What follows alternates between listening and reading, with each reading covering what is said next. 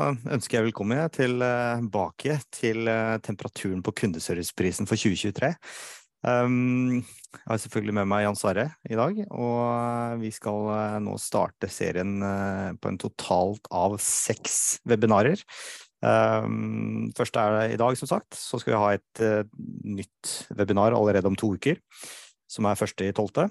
Uh, og så er det et nytt webinar igjen den 5. januar, og så er det 2. februar, uh, 2. mars og 30. mars. Uh, så de som allerede nå har meldt seg på eh, via nettsiden, de vil automatisk få invitasjon til fremtidige webinarer. Ehm, fordi vi behøver ikke å melde oss på flere ganger, tenker jeg. Men i dag så skal vi prate litt om hva betyr CX egentlig for kunden.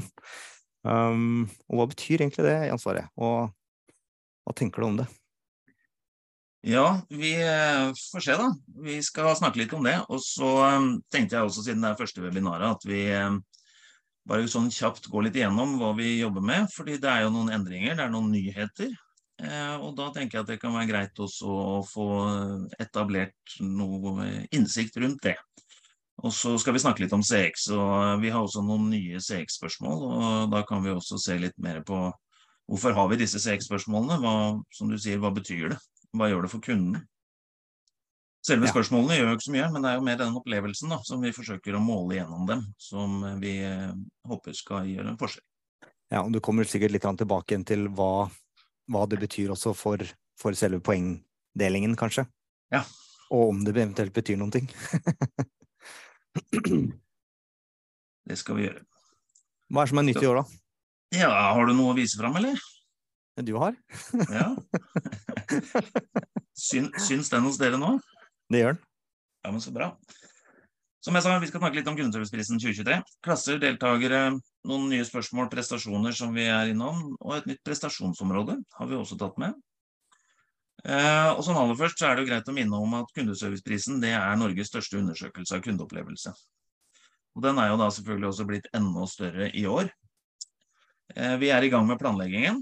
Vi eh, har brukt noen uker slash måneder nå på å gå gjennom erfaringene fra siste år, resultatene, deltakerne, klassene, spørsmålene osv. Gått gjennom alt det vi kan finne der. Og så har vi begynt eh, nå å planlegge oppstarten. Eh, vi regner med å starte i månedsskiftet november-desember. Og når noen spør meg når starter dere, så sier jeg i månedsskiftet november-desember. Og det handler jo egentlig om at det er jo ikke undersøkelsen i seg som er viktig.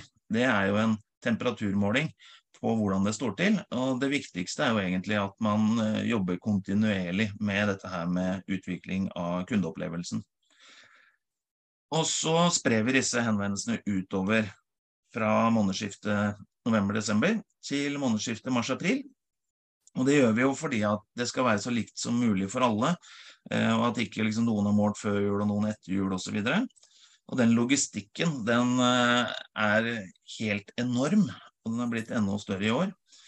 Um, og blant de tingene den logistikken innebærer, så er det jo det å tildele observatørene oppdrag sånn at de da får de riktige oppdragene på de riktige tidspunktene, sørge for at de vet om det, og at de får gjennomført det på riktig tid osv.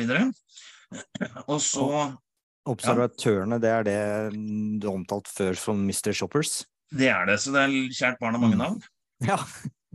um, og så etter hvert som disse observatørene eller mystery shopperne gjennom, uh, leverer inn sine besvarelser, så gjennomgår vi de da løpende det gjør vi jo for å kvalitetssikre at de gjør det de skal, at ikke det dukker opp noen ting.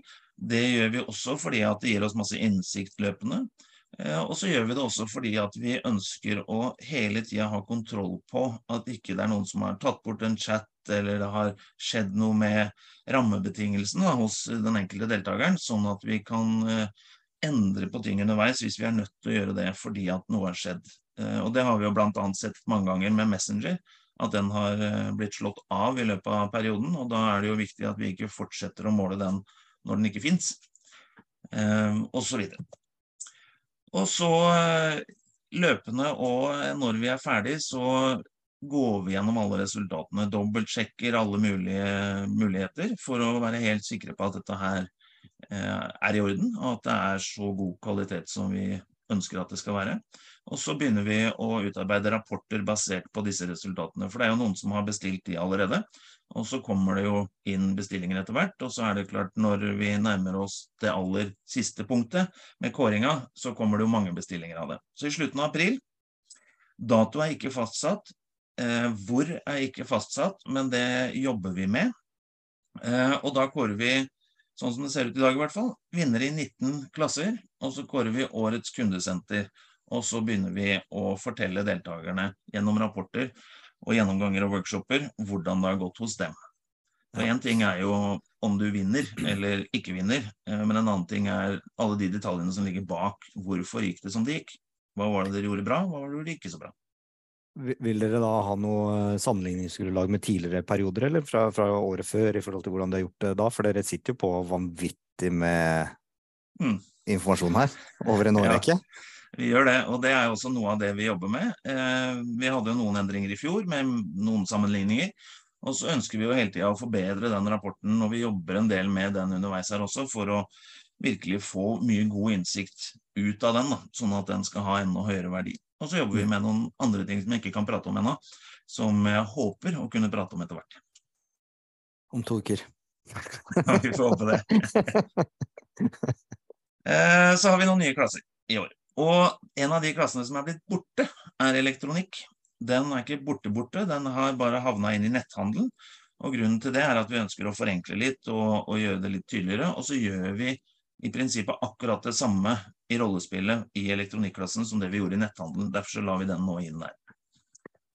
Og så har vi fått en ny klasse som heter boligmegling. Den eh, sjekkes om dagen for å se om den lar seg gjennomføre. For én ting er at det har vært veldig gøy å ha med boligmegling. Særlig nå når eh, husene, i hvert fall i Oslo, ikke selger seg selv lenger. Så eh, kan det være litt gøy å se hvordan man jobber. Men der er vi fortsatt litt usikre på om det lar seg gjøre på en god nok måte. Derfor så står den med en stjerne i dag. Og så har vi lagd en ny klasse som heter ferie og fritid. Der har vi lagt inn båtreise, vi har lagt inn cruise, hotell og reiseselskap. Eh, det er jo litt forskjellige eh, selskaper, men allikevel så handler det om det samme. Da. Det handler om at vi skal på tur. Eh, og i den forbindelse da så har vi lagt det inn i en sånn klasse for å forenkle litt og gjøre det litt tydeligere. Ja, så, så på en måte, Man ser det fra kundens side. Ja. Så, så, for kunden så er jo de tingene ganske like, tenker jeg. De er ganske like. Og det var litt det samme vi gjorde med klassen persontransport for et par år siden, hvor vi la buss og tog og trikk og T-bane og alt hva det nå var, inn i én klasse for å gjøre den litt sånn tydeligere også. Mm. Gjennom koronaen så har det jo blitt veldig mye digitalisering, har vi opplevd. Ehm, og nå har vi også bestemt oss for, etter å ha testa med Klinikk for alle i eh, siste gjennomkjøring, at vi skal lage en egen klasse for helse. Eh, der har vi da tatt Klinikk for alle fra åpen klasse eh, og lagt inn i helse. Det betyr også at vi faktisk for første gang har klart å fjerne åpen klasse. Så den er ikke lenger med. Vi har flyttet deltakere fra åpen klasse til noen nye og noen eksisterende klasser for å få eh, fjernet den da, som vi har holdt på å prøve i 16 år. Og så har vi flyttet Det tok tid, men vi klarte det.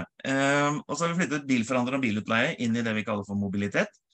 Um, og der er det også bildeling, som er noen nye deltakere i år.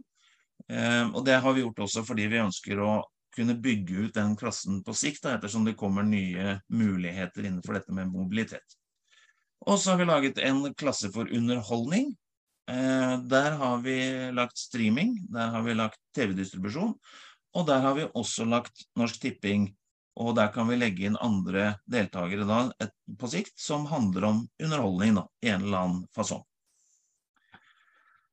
Så det er de nye klassene i år. Og så er det jo de gode gamle, da. Med alarm, avis, bank, bredbånd og energi. Forsikring, innfordring, mat og drikke på nett, medlemsorganisasjon, mobil, netthandel, offentlig persontransport og transport og logistikk. Så det betyr jo at eh, for de som har vært i disse klassene, så vil de fortsatt være i de klassene. Og så skjer det noe på deltakersiden, f.eks. i bank. Eh, så har det kommet en del forespørsler fra banker om å være med. Og det syns vi var veldig hyggelig. Så der, eh, den klassen har økt veldig. Eh, offentlig er jo eh, sånn som den pleier.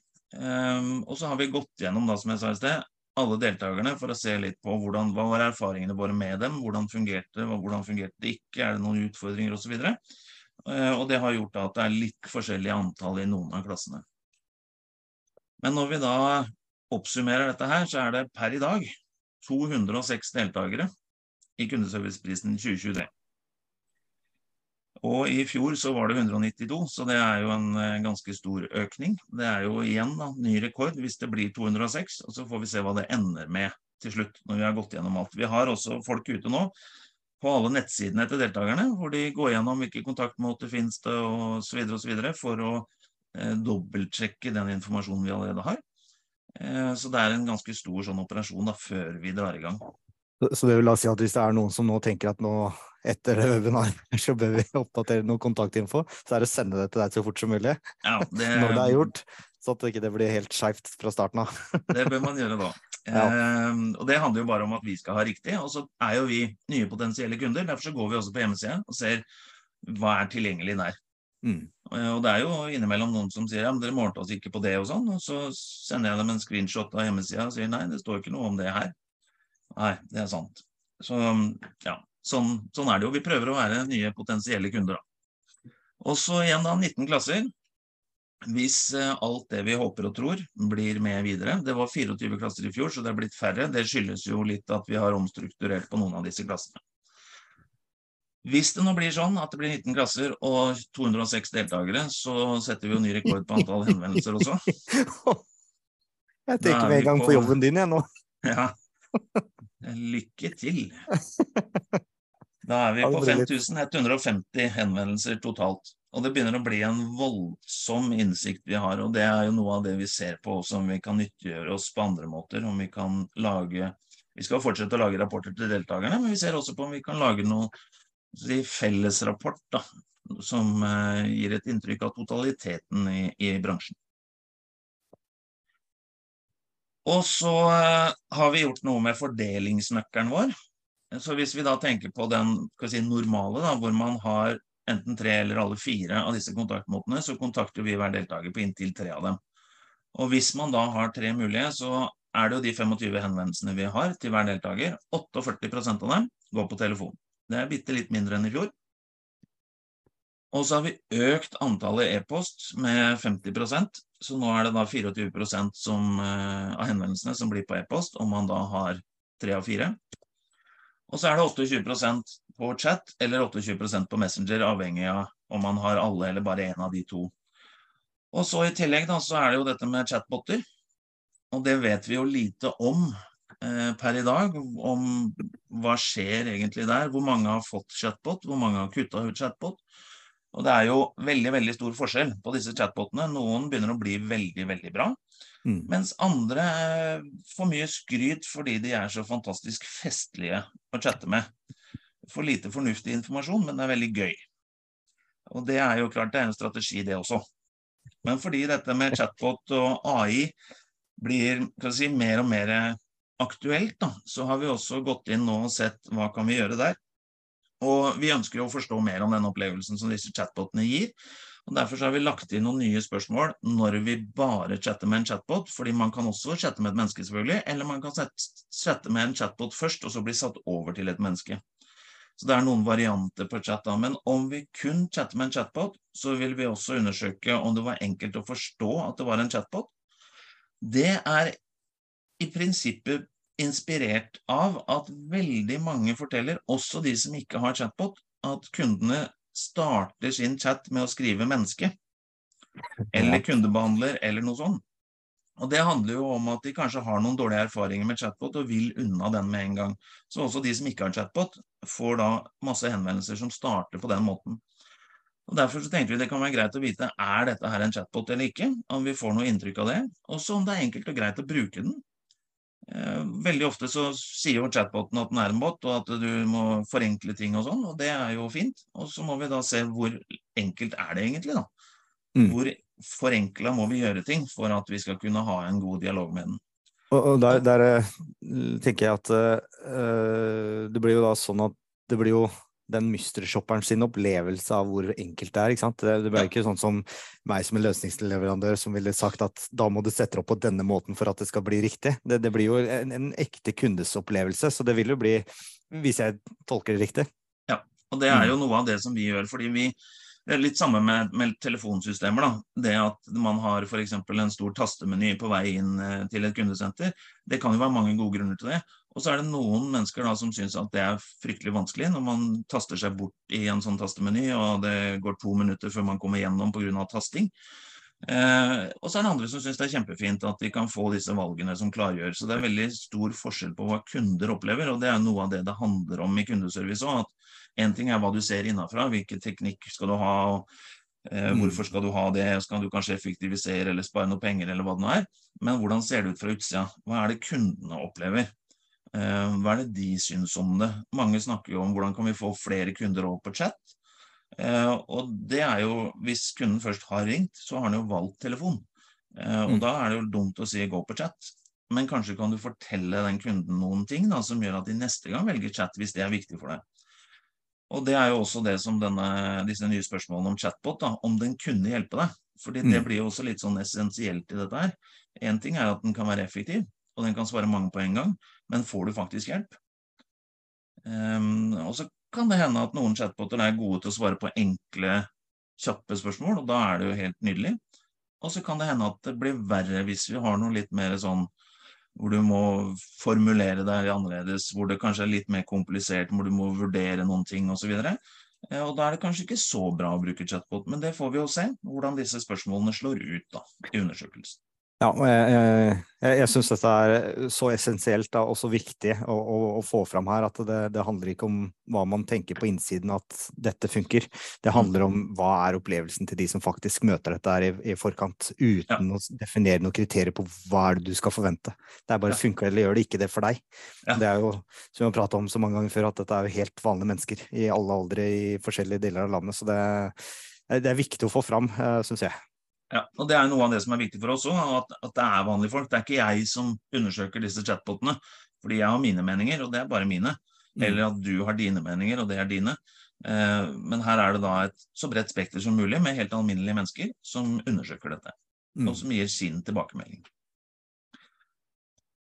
Og så har vi gjort flere endringer. da. Vi har eh, noen nye prestasjonsområder, sa jeg i starten. Disse prestasjonsområdene våre da, det handler jo egentlig om å dele opp denne dialogen i flere eh, deler, sånn at det blir enda lettere å identifisere styrker og svakheter. Og Det første er jo svar og ventetid. Eh, og Det diskuterer vi internt og med noen deltakere hele tiden. Og Det som er noe av essensen her, er at det er faste rammer, og det er likt for alle. Fem minutter på telefon, fem minutter på chat, 30 på Messenger, tre virkedager på e-post. Det er utgangspunktet. Og så har vi gjort noe med poengscoren der de siste årene, sånn at så lenge vi får svar Men hvis du f.eks. svarer e-posten etter eh, to og en halv dag, så du får ikke noe poeng for, for, for svartida di, så er det bare 5% av resultatet. Så du har 95% å jobbe for. Um, og Det er også essensielt i dette. her, Men det er klart hvis vi ikke får svar på våre forsøk, så blir det jo null. Og det trekker jo ned. Mm. Og det er jo, eh, hvis du ser på eh, Kundeserviceavisen, så har de hatt en liten sånn eh, artikkelserie i det siste, hvor de har prøvd å ringe forskjellige kundesentre i eh, lunsjen. Eh, og der har de satt fem minutter som eh, grense, og det er jo ikke alle som rekker å svare på det. Og, og det gjør jo noe for kundene, Mm. uten tvil. Og så får vi svar, og da er det velkomst og mottak til det første møtet. Et av de spennende spørsmålene der er jo om vi følte oss velkommen når vi ble mottatt som vi ble. Og så er det en del andre spørsmål eh, i tillegg i det prestasjonsområdet. Og så er det kundebehandleren, det området som har flest muligheter, også i virkeligheten, ikke bare i undersøkelsen. Det er der det virkelig er mulig for et kundesenter å skille seg ut. Og der har vi flytta et spørsmål fra totalinntrykk til kundebehandleren i år. Og det er følte du deg verdsatt som mulig ny kunde, som oppsummerer litt den, det prestasjonsområdet kundebehandleren. Mm. Og så til slutt i dialogen så er det totalinntrykket, da, som er en form for oppsummering. Og der har vi med samme spørsmålet som i fjor. Ville du handle med dette selskapet basert på denne kundeopplevelsen, om du hadde hatt behov for det de tilbyr? Og der har vi også lagt inn en liten sånn nødutgang, fordi hvis man f.eks. har snakka med skatt eller andre offentlige deltakere, så er det jo ikke akkurat sånn at skatt selger så mye. Og, og, da er det ikke sikkert at det der er et relevant spørsmål. Så de som, har, som kontakter den type deltakere, de har muligheten til ikke besvare det spørsmålet. Ja. Um, og da får du ikke minuspoeng, men du får heller ikke plusspoeng. Og så mm. sa jeg det var et nytt prestasjonsområde, og det heter GDPR. Og det er nytt i år. Og her tester vi ut potensialet og mulighetene og hvordan det vil fungere. Det betyr også da at det ikke er poeng på disse spørsmålene i 2023. Så hvis du ikke har styr på kommunikasjonen din rundt GDPR, så er ikke det noen krise i vår sammenheng. Eh, så kan det hende det er annerledes da i virkeligheten, men for vår del så handler det om å få et inntrykk, se litt hvordan fungerer dette her, hva, hvordan håndterer man det rundt omkring. Og da tenker vi at det er en god måte å gjøre det med disse forhåpentligvis 206 deltakerne, og se hva de leverer. Så ok, det, det er eh, Ja. Det, det, blir, det, blir, spennende å se. Ja. Mm. Eh, og der skal vi jo også få våre folk da, til å stille noen spørsmål rundt dette her. Og der, da er jeg jo litt fælt å si, men da er jeg jo litt glad at det dukker opp noen historier om eh, ID-tyveri og sånn. Ja. Eh, i, i, nyhetene og i aviser og sånn. fordi det er jo et problem rundt dette med personvern som blir mer og mer aktuelt. Og det er det vi tenker å piggybacke litt på. da, At vi får, kan bruke noe av det som bakgrunnen for hvorfor vi ønsker å snakke med kundemannen om det. Og Gjelder det for alle klasser? Eller det gjelder for alle klasser. Mm, okay. Alle deltakere, alle klasser, alt sammen. Og Så må vi da se etter hvert, når vi er ferdig med dette, her, hvordan det har gått. Eh, og så vil vi jo forhåpentligvis kunne lage noe Kanskje vi kan lage et webinar på GDPR også etter mm. hvert. Eh, for å fortelle litt om hvordan vår opplevelse var. Kult. Og så har vi dette spørsmålsbatteriet. da. Det er masse spørsmål. Det gjennomgås løpende, og hver, mellom hver gjennomføring så har det blitt flere spørsmål de siste åra. Noen spørsmål er tatt ut, mange av dem på bakgrunn av henvendelser fra deltakere. Og så er det noen nye som har kommet til, og noen har blitt justert i ordlyd osv.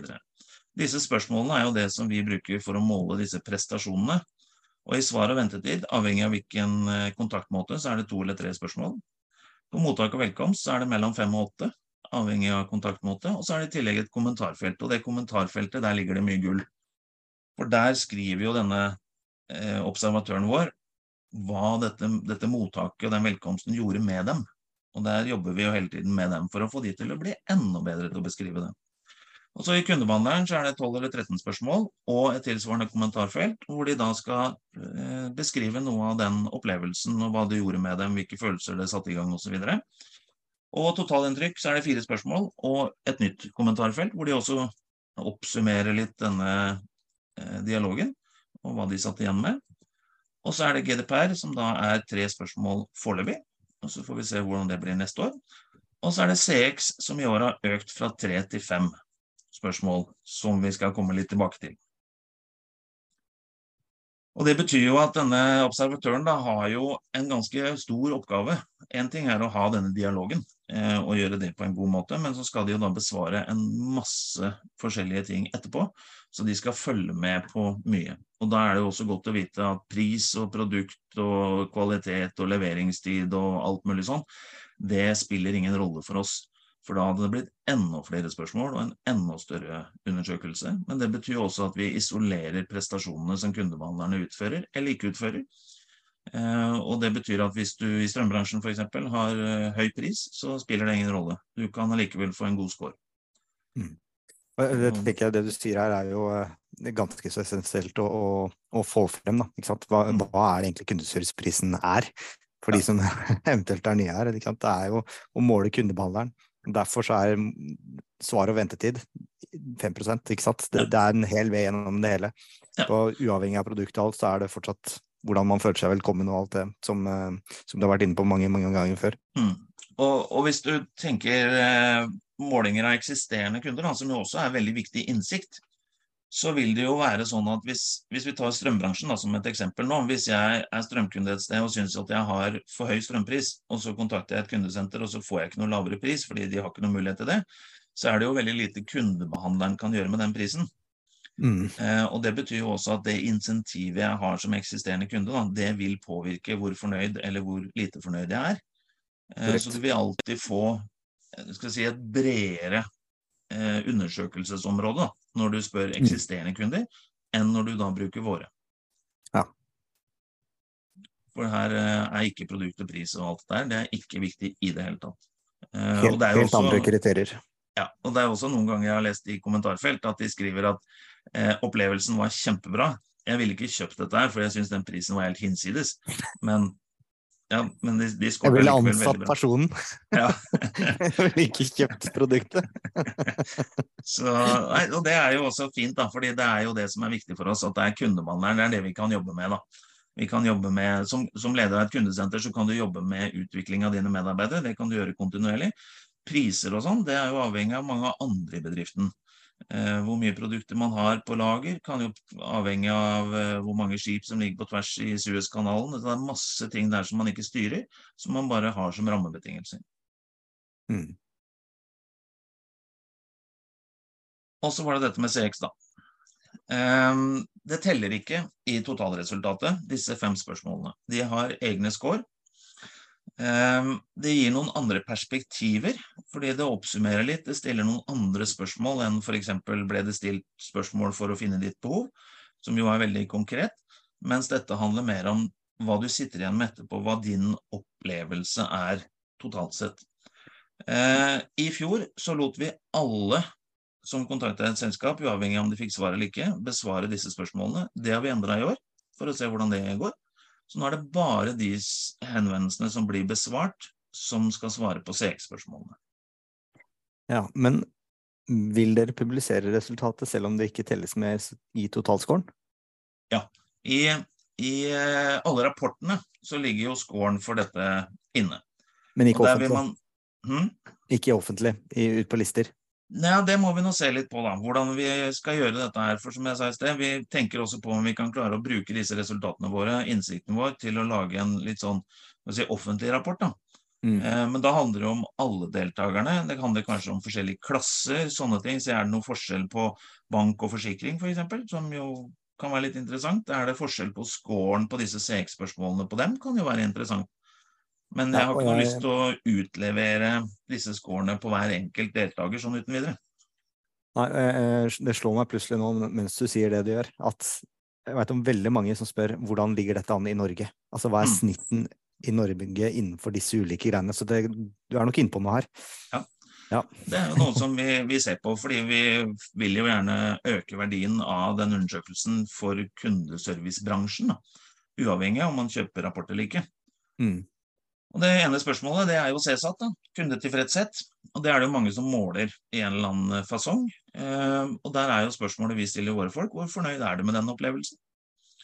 Og Så velger du mellom én og fem, og fem er best. Eh, og det er klart, hvis jeg er en eksisterende kunde, så vil jo f.eks.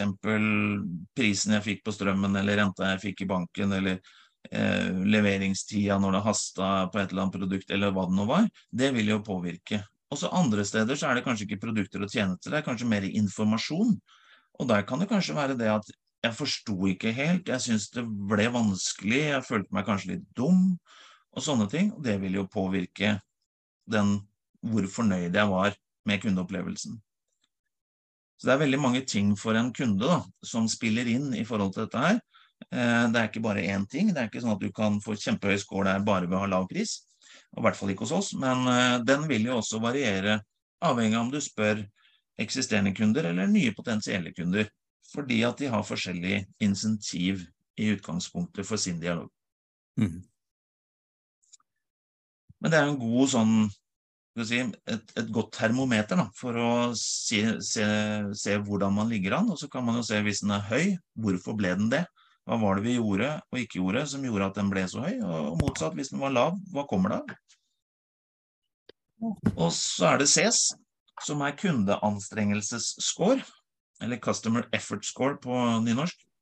Den går fra 1 til 7, og der spør vi da alt i alt hvor enkelt var det å få den hjelpen du trengte.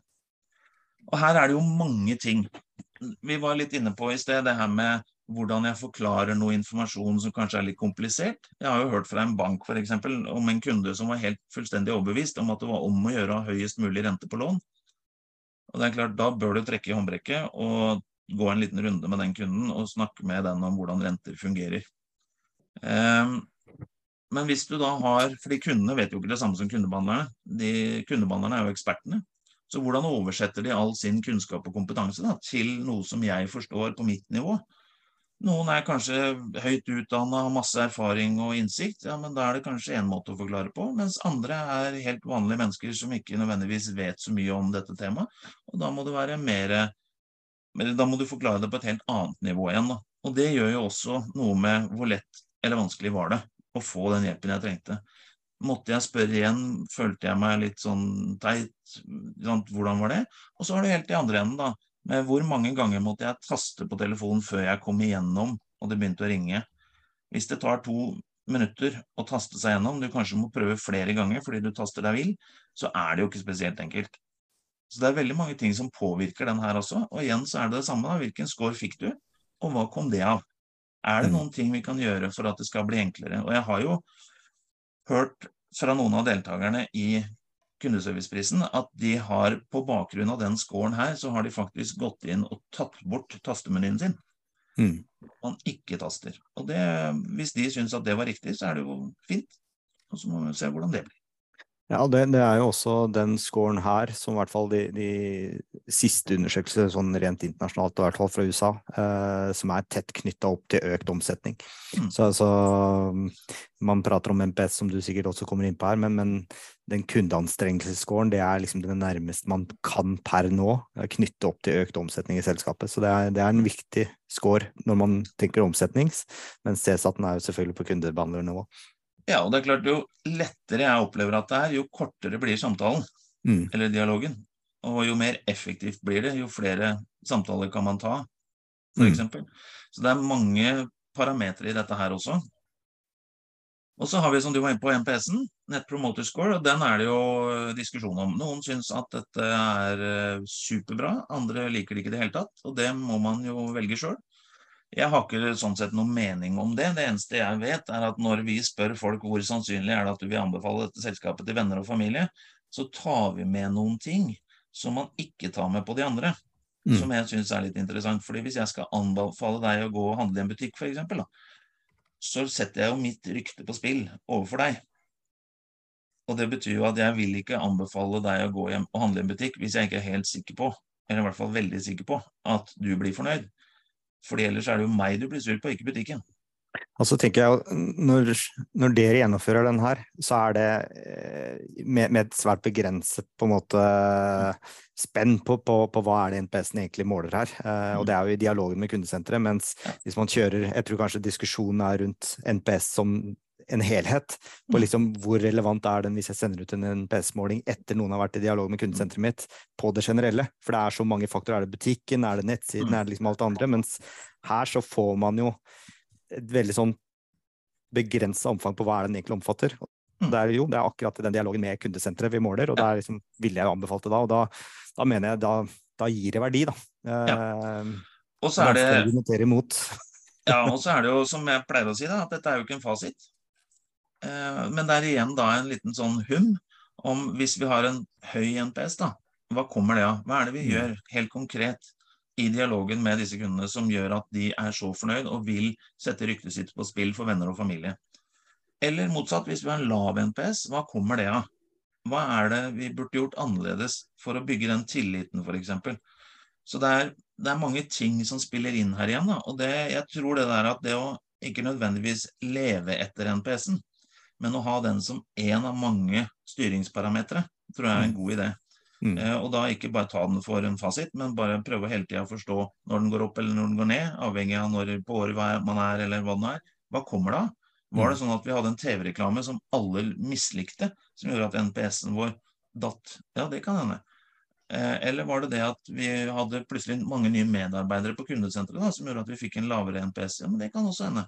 Fordi nye folk er ikke like gode nødvendigvis som de som har vært lenge.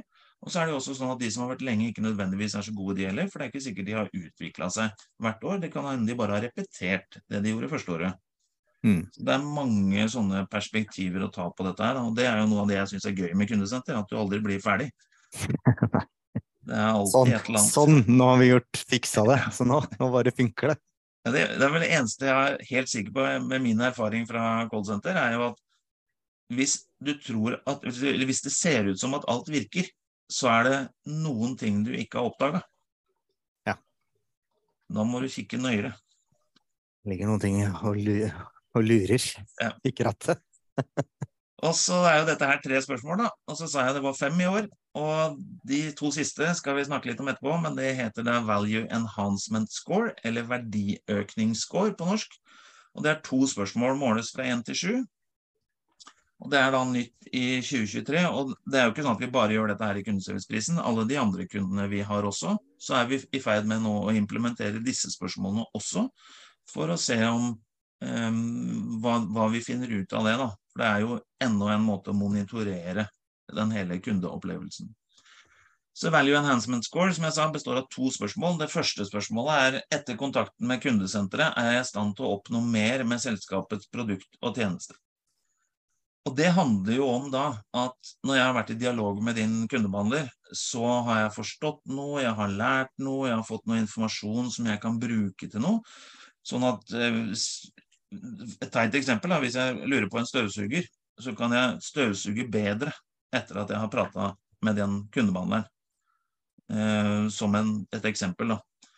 Eh, eller hvis da for mange av de deltakerne i kundeserviceprisen hvor det er snakk om informasjon, hvor det ikke nødvendigvis er kjøpe et produkt eller en tjeneste, kan jeg da eh, forholde meg til all denne informasjonen? Hvis det er skatt som eksempel igjen, da, jeg, fikk jeg høyere forståelse for hvordan skatt fungerer, og hva jeg bør ta høyde for, og hva jeg må følge med på osv., enn det jeg hadde før, ja, men så vil jeg jo score den høyt.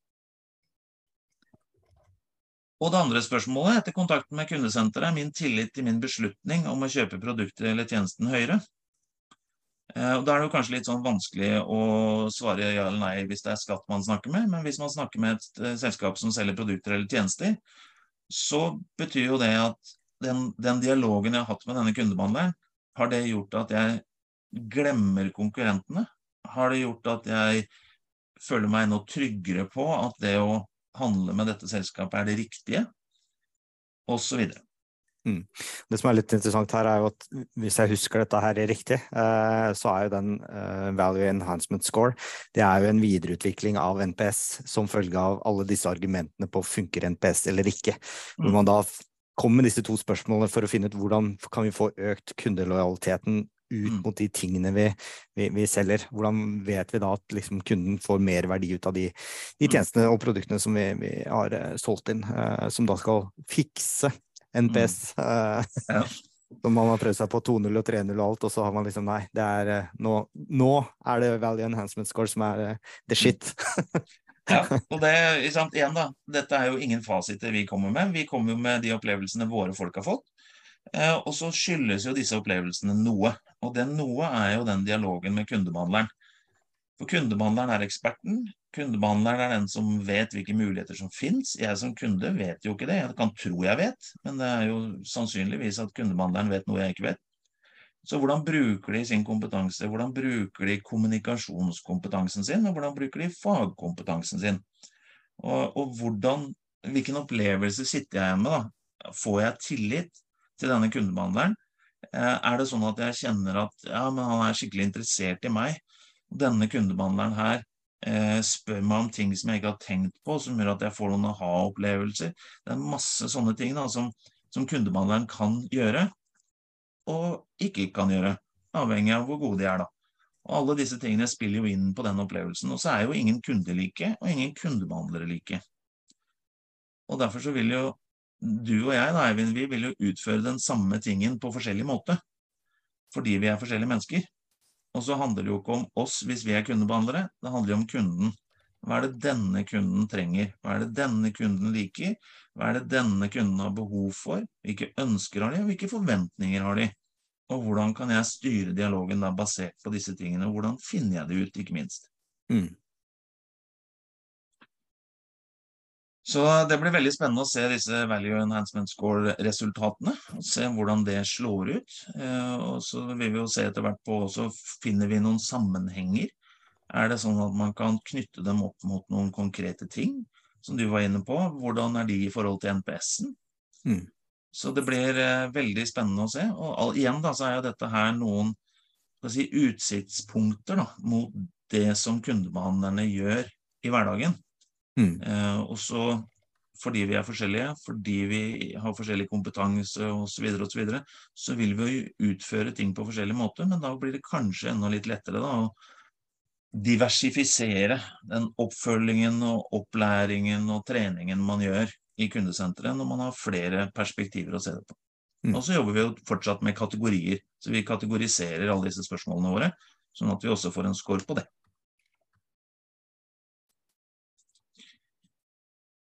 Så det blir jo veldig spennende.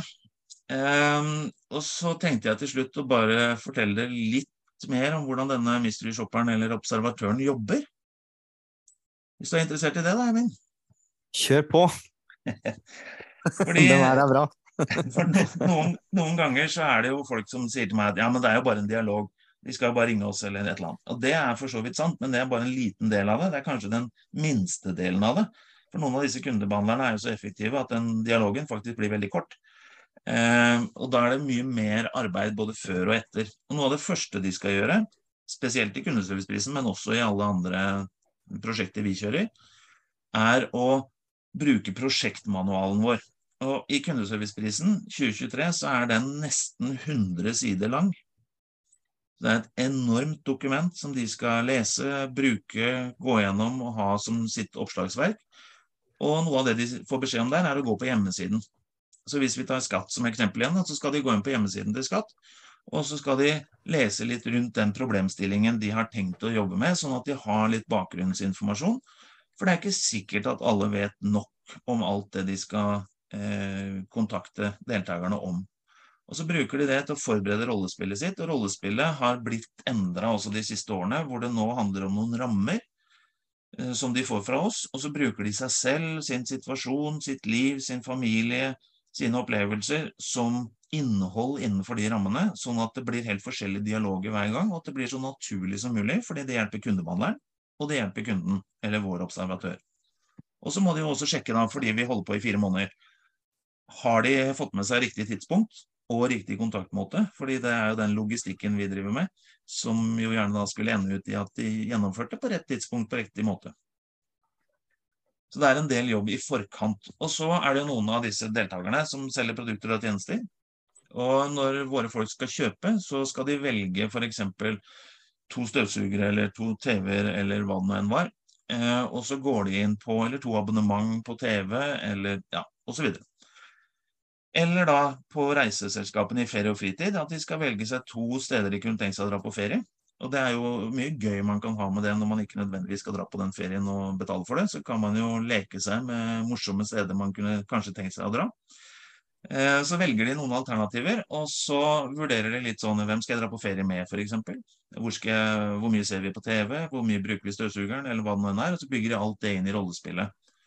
Eh, og så, hvis de skal ha informasjon, særlig da i offentlig klassen, men også enkelte andre, så igjen da på hjemmesida se hvilke løsninger finnes, hvilke alternativer, hvilke muligheter osv. Eh, og så er det noen ganger at det er for ubehagelig å bruke seg selv som utgangspunkt. Så derfor så har vi noen muligheter i noen rollespill til å velge at ja, men jeg ringer på vegne av en venn eller familiemedlem eller broren min eller et eller annet. Sånn at vi tar bort det, den sperren da, som noen av våre observatører har i forhold til noen av deltakerne. Igjen da, det er jo helt vanlige mennesker her. Og Så bygger de dette inn i rollespillet sitt. Helt uavhengig av hvilken deltaker det er, så lager de seg en historie, et oppsett, og så henvender de seg. På den måten de skal gjøre. Starter de dialogen med en intro som vanlige kunder gjør. Og vi lar det være veldig åpent for dem, men det er en av disse rammene som de skal jobbe innenfor. Og så er det opp til kundebehandleren å ta tak i denne dialogen og styre den dit de vil. Og våre folk får beskjed om å være positive, interesserte og med på alt. Så hvis dette er en skikkelig god kundebehandler da, som virkelig tar dem med inn i sitt univers, så er de med på alt.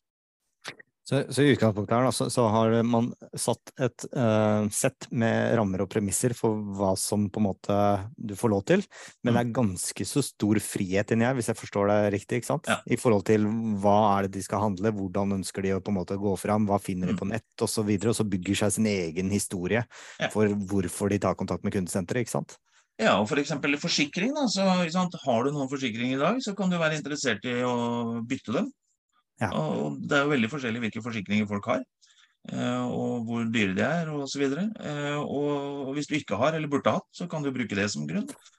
Ja, ja det, er, det, er, nei, det er kult. Jeg, jeg syns det er kult at for, jeg får mer og mer innsikt i hvordan dere har disse mystery-shopperne. Og det er, eh, det er, interessant når man på en måte ser at de får såpass stor frihet, fordi det, det gjør det igjen også veldig veldig vanskelig da, for disse kundesentrene og vite hvem er mystery shopperen og ikke. Det, det skal det jo, til, altså, med den friheten ja, og, der. Ja, og det er jo noe av poenget òg, fordi det er jo ikke viktig at det er oss. Det som er viktig, er hvordan du behandler alle kunder. Mm. Eh, og der ser vi jo når vi til slutt oppsummerer dette her i rapporter, så ser vi jo f.eks. at noen kundesentre da, har veldig liten variasjon. De, de, aller beste ligger kanskje fra 85 i score på hver eneste henvendelse og opp. Mm. Mens andre som ligger litt lenger ned på resultatlista, da, har noen på 30, noen på 60, noen på 100. Der er det litt sånn happy go lucky, og det treffer noen ganger, og så bommer det ordentlig andre ganger. Eh, og det er kanskje den største forskjellen på de som virkelig lykkes hos oss, da, og de mm. som ikke lykkes. Og så hvis man da flytter det ut i den store kundevirkeligheten, da, så er det jo noen av disse selskapene som gjør det veldig bra kanskje hvert år eh, som sannsynligheten for at du som kunde da, får en god opplevelse, er veldig mye høyere enn noen av de andre. Mm. Fordi det er mer tilfeldig andre steder. Så det er, noe der, det er noe de har gjort som gjør at de treffer veldig godt hver gang. Og så, da, når eh, de har denne dialogen, forhåpentligvis en kjempegod dialog med masse spennende informasjon og spørsmål og litt eh, ping-pong frem og tilbake osv., så, videre, så er vi litt kjipe til slutt, for vi skal jo ikke ha. Så da må vi jo tenke på det, eller snakke med noen, eller et eller annet sånt. Så det er jo den eneste kjipe delen av det vi gjør. At uansett hvor god du er, så er sannsynligheten veldig lav for at du faktisk får et salg, da, om det er det du eh, har muligheten til som kundebehandler. Og så er det jo noen da, spesielt deg i fjor, da, som skrev jeg skulle jo ikke ha, men denne dialogen var så god at jeg endte opp med å kjøpe allikevel, så sønnen min får en ekstra gave. Så, så utfordringa nå i år, da, det er å øke konverteringsraten på disse mystery-shopperne for hver ja. en som er med på prisene. ja, men jeg, jeg synes jo også, når jeg, når jeg, tenker litt på det, det, det er en, en, vanlig kunde, da, ny potensiell kunde, kontakter jo fordi de faktisk er interessert og lurer på om de kanskje skal ha. Så ja. det å konvertere en sånn kunde, det er jo bra, men ikke nødvendigvis så vanskelig. Men en av våre da, som vet at de ikke skal ha, og allikevel så kjøper de, jeg hører en sånn liten snikpris på, på vei her, med nesten klarer å konvertere flest. ja, for det, det syns jeg er ganske imponerende. Og så i motsatt ende så har du jo den som jeg har fortalt om noen ganger før, som sjokkerte meg dypt og inderlig. Jeg ble kvalm og på gråten. Og når det står i et kommentarfelt når det er ny og potensiell kunde, så blir jeg jo bekymra. Ja. Ikke nødvendigvis for den eh, observatøren, som jeg sjekka at hadde det bra etterpå, men, eh, men det kundesenteret, da. Hvordan, hvordan jobber vi der? Sånne skal vi ikke ha i år. Nei, vi får håpe det. Og så når de er ferdig med alt dette her, har lagt på eller avslutta dialogen, så går de inn i vårt system, og så besvarer de alle disse spørsmålene som vi var innom i sted. Mm. De vurderer da CSAT, CS, eh, VS og NPS. Eh, og det står jo ikke liksom eh, NPS, hvordan ville du? Men vi stiller jo disse spørsmålene, og så besvarer de det. Så det er jo ikke sikkert at våre folk faktisk vet at det er CSAT eller CS, f.eks de besvarer når de besvarer Nei. det spørsmålet. De besvarer jo bare et spørsmål. Ikke sant. Så, um, og så sender de inn denne, denne, rapporten sin, denne besvarelsen, og så gjennomgår vi den. Og sjekker at alt er i orden, og at de har brukt, eh, vært innenfor rammene, og at alt er eh, på gode måter. Mm. Og så tar de neste, og så venter vi på neste. Og Bra. Um, med det antallet vi ser i dag, så er det jo sånn typisk en 80-90 henvendelser om dagen. Vi har litt å lese gjennom, andre vi har litt å henge fingra i. ja, det er godt. Um, har du flere slider? Mer info? Da har jeg egentlig bare den her til slutt. Eh, en anbefaling til alle sammen. Gå inn på våre hjemmesider. Eh, følg oss på Facebook, følg oss på LinkedIn hvor vi kommer til å legge ut informasjon nå fremover fortløpende om deltakerlister, om disse nye spørsmålene osv. osv. Hvor vi også etter hvert når vi er i gang, så vil vi jo prøve å komme med noen uh, ideer og tanker basert på den innsikten vi får underveis. Ja. og Jeg nevnte vel ikke det innledningsvis, annet enn at jeg sa vi skulle ha seks webinarer totalt sett. Men eh, det blir jo sånn at vi legger vel opp til at vi tar hver av prestasjonsområdene som vi toucher innom på nå, Ja. på, på hver av disse webinarene. Så i neste webinar så er det da hvordan vil du jeg skal ha det når jeg tar kontakt, da, som er emnet for, eh, for webinaret. Og det er allerede om to uker. Og det, da er vi jo sånn, eller da er dere i gang. Ja. Ja, Mest Da- sannsynlig i hvert fall. Da har vi noen folk som eh, er ute for å sjekke hvordan disse kundebehandlerne jobber, og eh, hvor mye gode opplevelser vi kan få framover. Good. Men det er vel eh, bare å takke for i dag, da. Så takker vi for at du har tatt deg tid med å dele med oss. Bare hyggelig. Jeg gleder meg. Veldig spennende. Nye spørsmål, nye prestasjonsområder, nye deltakere, nye klasser. Det er veldig mange ting vi gleder oss veldig til å se hvordan fungerer i år. Og så håper vi jo da, som vi har vært inne på noen ganger, at vi kan levere ut enda mer innsikt og forståelse og muligheter. Både til deltakerne og til de som ikke er deltakere. Bra. Nei, men det er eh, veldig bra, Jan Sverre. Da ses vi på nytt om et par ukers tid, og så satser vi på at eh, alle som er med i dag, og noen til, eh, også deltar neste gang. Kjempefint. Flott. Ha det godt, da, og lykke til, alle sammen.